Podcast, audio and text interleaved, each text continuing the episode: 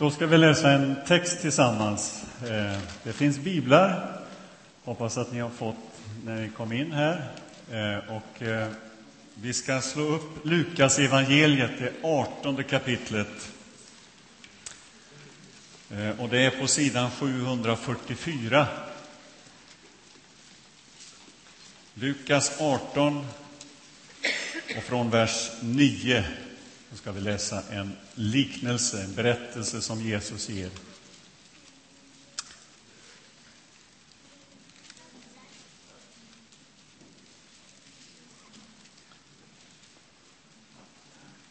Ska vi stå upp när vi läser den här texten tillsammans så får vi in den ordentligt. Till några som litade på att de själva var rättfärdiga och som såg ner på alla andra riktade han denna liknelse. Två män gick upp till templet för att be. Den ene var farisé, den andra tullindrivare. Farisén ställde sig och bad för sig själv. Jag tackar dig, Gud, för att jag inte är som andra människor, tjuvar och bedragare och horkarar eller som tullindrivaren där. Jag fastar två gånger i veckan, jag lämnar tionde av allt jag köper. Men tullindrivaren stod avsides och vågade inte ens lyfta blicken mot himlen utan slog med händerna mot bröstet och sa Gud, var nådig mot mig, syndare. Jag säger er, det var han som gick hem rättfärdig snarare än, snarare än den andre. Ty den som upphöjer sig ska bli förödmjukad, men den som ödmjukar sig ska bli upphöjd.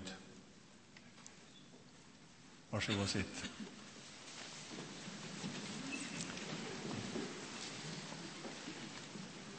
Jesus talade ju ofta i liknelser, i berättelser, bilder. Eh, och han, hans, hans ärende var ju detta att, att Gud har så mycket att ge oss människor. Och, och, hur ska vi få del av det? Var ska vi ställa oss? Hur ska vi bete oss för att få del av allt det goda som Gud vill ge? Och så ger han oss berättelser, liknelser, och han är väldigt tydlig i de där liknelserna, som i den här som vi har läst. Eh, han kontrasterar två personer olika synsätt, olika inställning för att liksom visa vad som krävs för att få del av allt det goda som Gud vill ge. Och jag skulle bara vilja säga det från början här, att Gud vill ge dig allt gott. Gud vill välsigna ditt liv. Han vill ta hand om ditt liv. Han har kommit med sitt rike in i den här världen i och med Jesu kommande. Och allt det som Gud är och har, det vill han att du ska få bli del utav. Få komma in i Guds rike. Det, det är det som berättelserna i, i evangelierna går ut på, att visa allt det goda Gud vill ge oss. När jag förberedde mig för den här predikan så kom jag att tänka på en, en båt som kom till Donsen när jag var liten. Den kom eh, ibland varje vecka och ibland var det uppehåll, men den kom ganska ofta. Och den var fullastad med, med grönsaker, med frukt, med ägg. Eh, det var en man från Hallandskusten som på detta sätt ville presentera sitt rike för oss utarmade öbor eh, och få del av frukter som vi inte ens nästan kunde drömma om. Eh, och så kom han fullastad och, och alla gick ner dit för att handla utav de här fantastiska frukterna och grönsakerna som han hade med sig. Han kom från en annan värld, ett annat sammanhang över vatten till oss med allt detta goda, alla dessa goda frukter. Och vi njöt och tog del av det. Och berättelsen är så, så, nästan så nära man kan komma detta med evangeliet. Eh, därför att det hände också att det gick ett rykte om att nu var den här mannen död. Och man sörjde på ön tills han en dag låg vid kajen igen. Och ryktet om hans död var betydligt överdriven. Och alla rusade in. Det var ju dubbel glädje den dagen när man såg att han hade uppstått från de döda.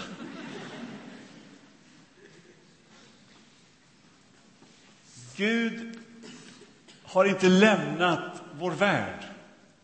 Han har inte övergett den. Han har sett till oss. Och han har kommit med Jesus, i Jesus Kristus till vår värld. Med allt det goda, allt det fina som vi kanske bara har drömt om.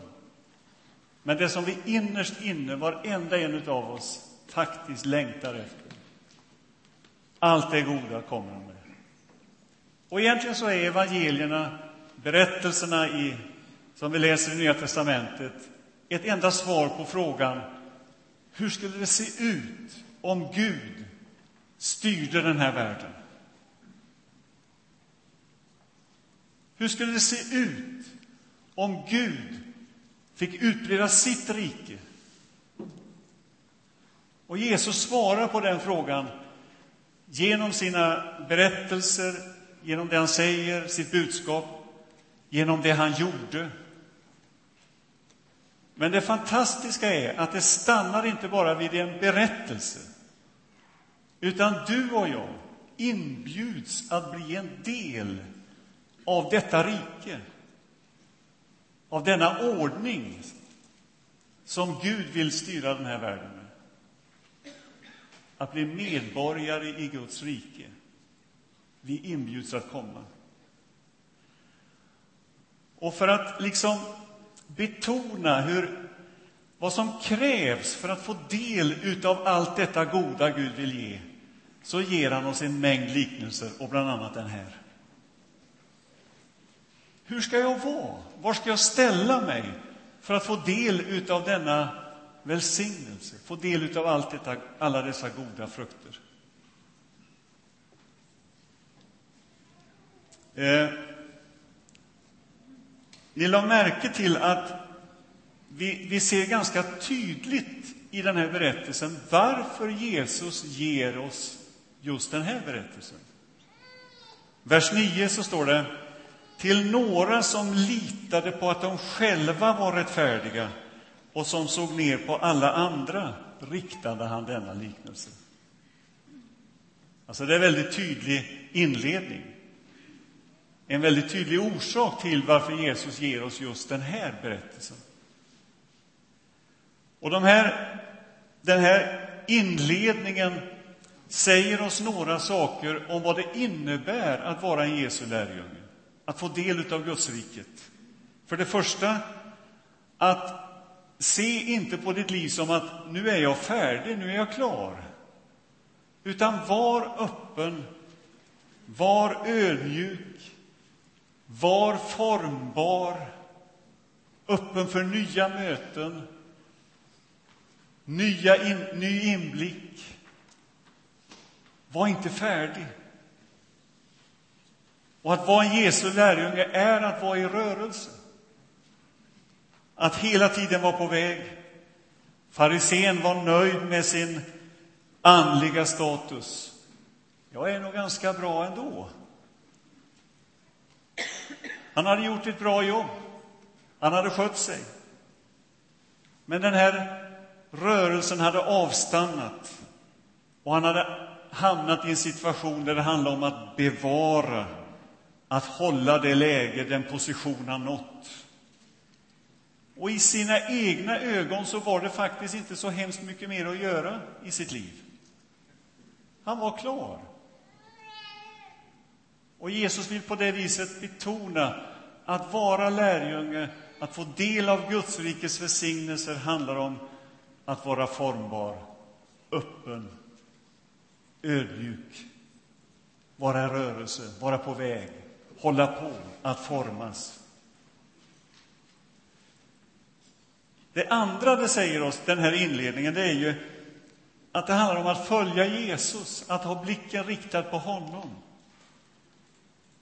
Jesus säger ju så här i inledningen till några som litade på att de själva var rättfärdiga, med betoningen på själva. Att få del av Guds rikes välsignelser och allt det Gud vill ge oss handlar om att det, det är att ha blicken riktad på Jesus. Det är han. Det är han som har det. Att ha sitt fokus på honom. Farisén ägnade sin uppmärksamhet på att se ner på dem som inte, enligt hans uppfattning, höll måttet. Och positioneringen är väldigt tydlig, uppifrån och ner på andra. Men en lärjunge har sin blick riktad på Jesus. Vad kan jag lära? Vad har du att ge? Vad gör du? Jag vill följa dig. Rubriken idag, eh, som Henrik var inne på, är Tro och liv. Och tro är ju inte ett försanthållande, en positionering, utan tro är att följa Jesus, en rörelse. Så länge det stannar, eller om, om, om fokuset är på att, att kunna veta, att förstå, ja, då tenderar jag lätt till att bli mer och mer upptagen med mig själv. Tror jag rätt? Har jag tillräckligt med tro? Håller min tro när det blir jobbigt? Men om tron handlar om att följa Jesus, då flyttas fokuset från mig själv till Jesus Kristus. Vad gör han? Vad tänker han? Vad säger han? Vart går han? Vad gör han idag? En daglig vandring med Jesus. Och med den inledningen så har Jesus direkt angett vad lärjungaskapet ska vara, eller hur det ska se ut. Att följa, att vara i rörelse, att vara formbar och öppen. Och så ger han oss bilden. Två personer kommer till templet.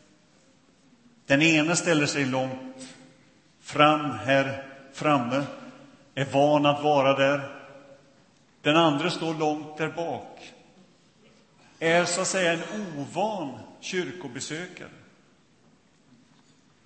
Templet var inte bara en offerplats, utan det var kanske framför allt en plats för bön. Bönen är själva livsnerven som handlar om mitt livs bestämmelse. Det har alltså en djupare innebörd. Två män gick till templet för att be. Det handlar om livets villkor, om livets existens. Bönen handlar inte bara om någon religiös, eh, om en religiös mäng, eh, människa som ägnar sig åt, åt bön, utan det handlar om själva meningen med livet. Det existentiella. Varför finns jag? Vad gör jag här? Vart är jag på väg? Det är det som Jesus vill fokusera på. Man kan ju spekulera i de här två personerna. De, de kan ha haft en intressant bakgrund. De kanske växte upp tillsammans. Båda var troligen judar.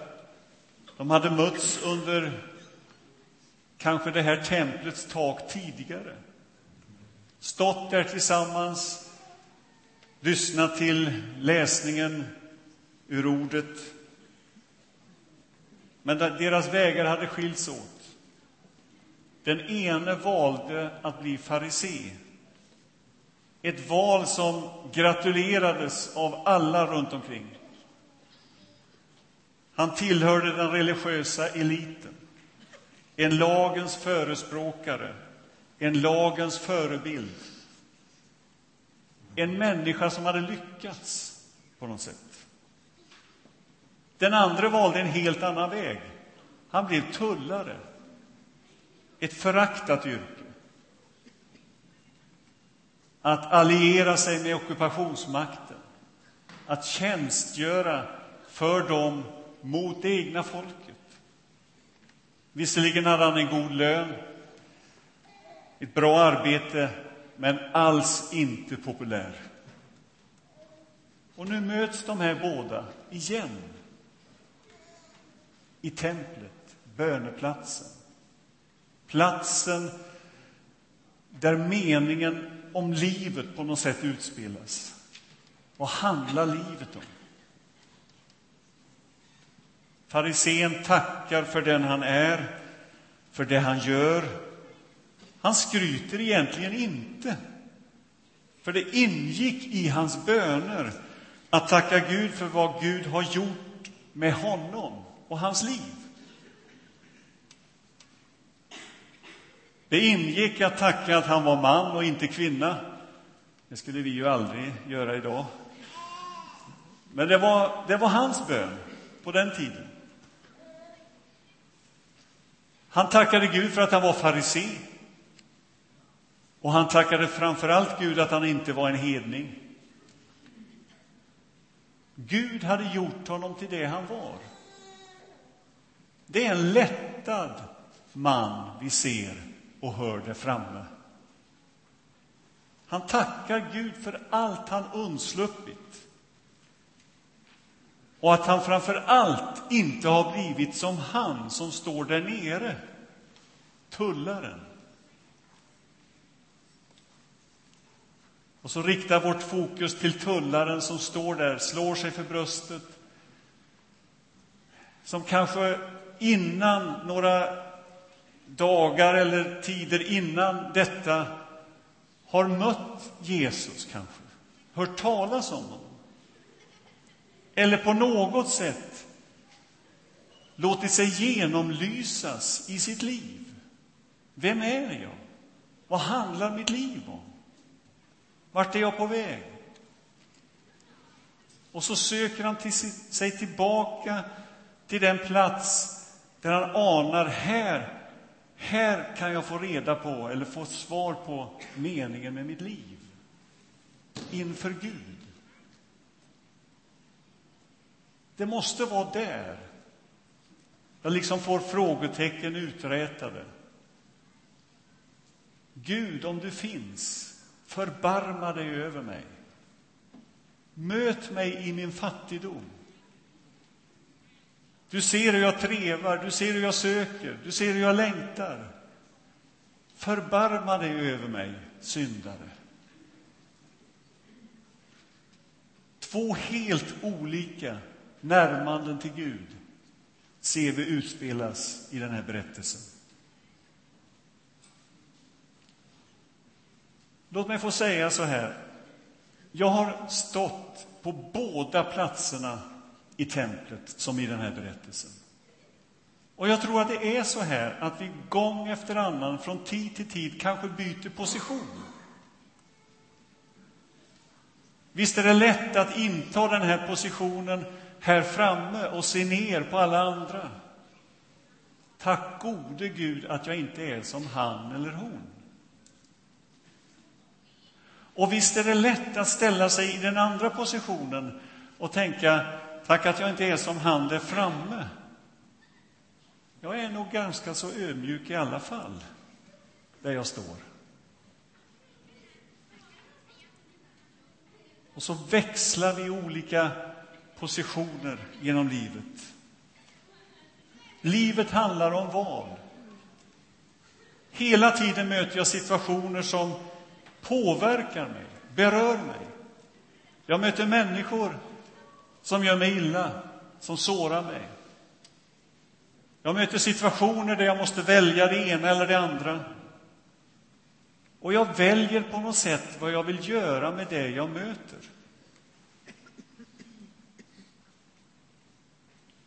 Jag kan ta på mig kritiken och det negativa och jag kan välja att se det goda och det positiva. Jag kan välja position vad det gäller att se hur andra är och vad andra gör. Och jag kan ikläda mig kärleken och be för den som förföljer mig. Den utmaningen ger oss Jesus. Eller jag kan välja att vara bitter.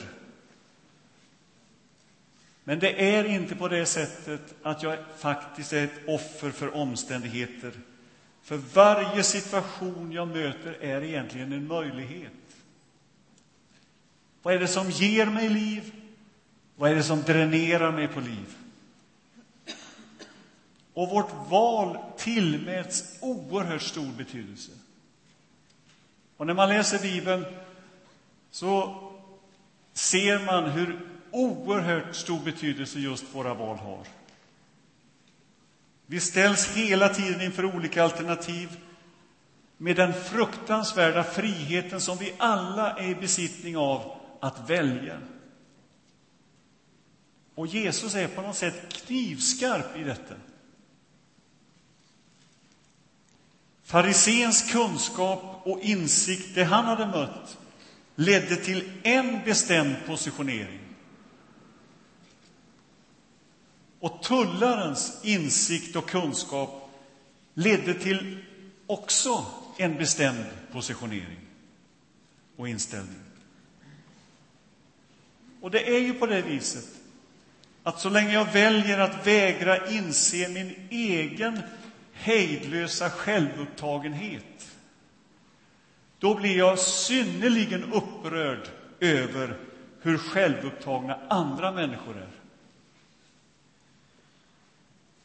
Och så länge jag själv vägrar inse mitt eget behov av kärlek, då blir jag upptagen med hur lite kärlek det finns hos andra människor. Och så länge jag själv vägrar inse mitt stora behov av nåd och barmhärtighet, ja, då blir jag upptagen med, med en linjal och med måttband för att granska andra människor, att de inte håller måttet. Jesus säger så här, sanningen gör oss fria. Och den sanningen är i första hand sanningen om vårt eget liv. Vem är jag? Och den börjar här inne i mitt eget hjärta, i min egen trädgård. Allt det jag inte vill konfronteras med i mitt eget liv, det kommer jag säkerligen att vara upptagen med hos alla andra. Det är precis den bild som utspelas i den här liknelsen.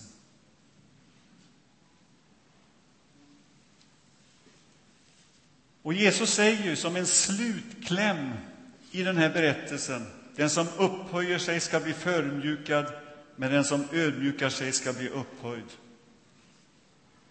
Jag läste någon engelsk översättning på den här. Där stod det så här, fritt översatt. Om du hela tiden går med näsan uppåt kommer du förr eller senare att stå på näsan. Det är bara frågan om tid. Och på något sätt så blir ju den här texten oerhört pinsam eller vad ska jag säga, stötande för, en, för sitt eget liv. Den skaver. Den sätter på något sätt ett fokus på min attityd, min inställning, vad jag säger om andra, vad jag tänker om andra. Och så märker jag på något sätt att gränsen där övertrampet sker är inte där ute någonstans, utan det är här inne i mitt eget hjärta, i mitt eget liv. Och det är det som Jesus vill komma åt.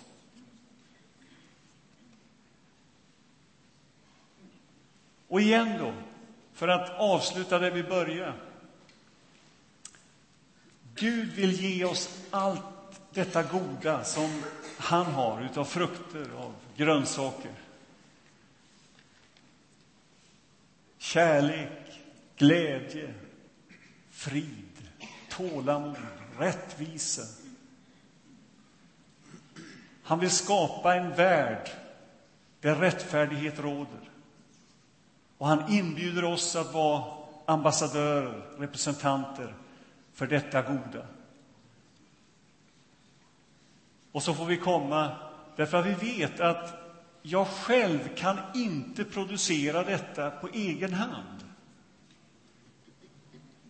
Det finns inte på Domsö. Det måste komma utifrån. Jag bär det inte naturligt i mig själv. Han måste ge mig det. Och därför så ställer jag mig i hans ljus och låter hans ljus falla på mig och säga Gud, förbarma dig över mig syndare. Jag behöver din nåd, din barmhärtighet. Inte bara för den här dagen, utan för hela mitt liv. Och den inställningen, den öppenheten, det är det som gör att vi kan få del av hans välsignelser.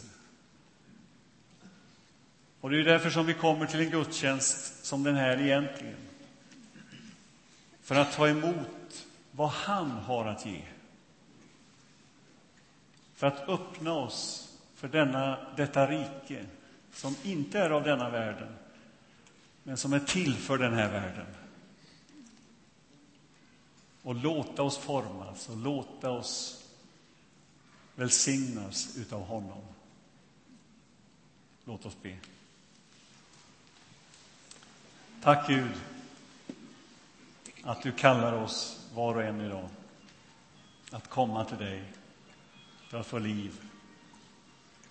Och tack att vi får komma av bara nåd. Att du, Herre, vill ge oss allt det goda allt det stora som du har. Att vi får ta emot det fritt, gratis, av nåd. Amen.